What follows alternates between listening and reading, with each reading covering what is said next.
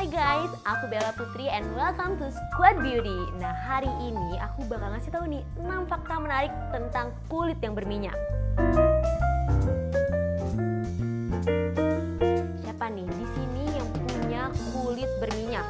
Nah kalau misalnya kalian punya kulit berminyak, kalian keganggu nggak sih sama keadaan kulit kalian yang berminyak?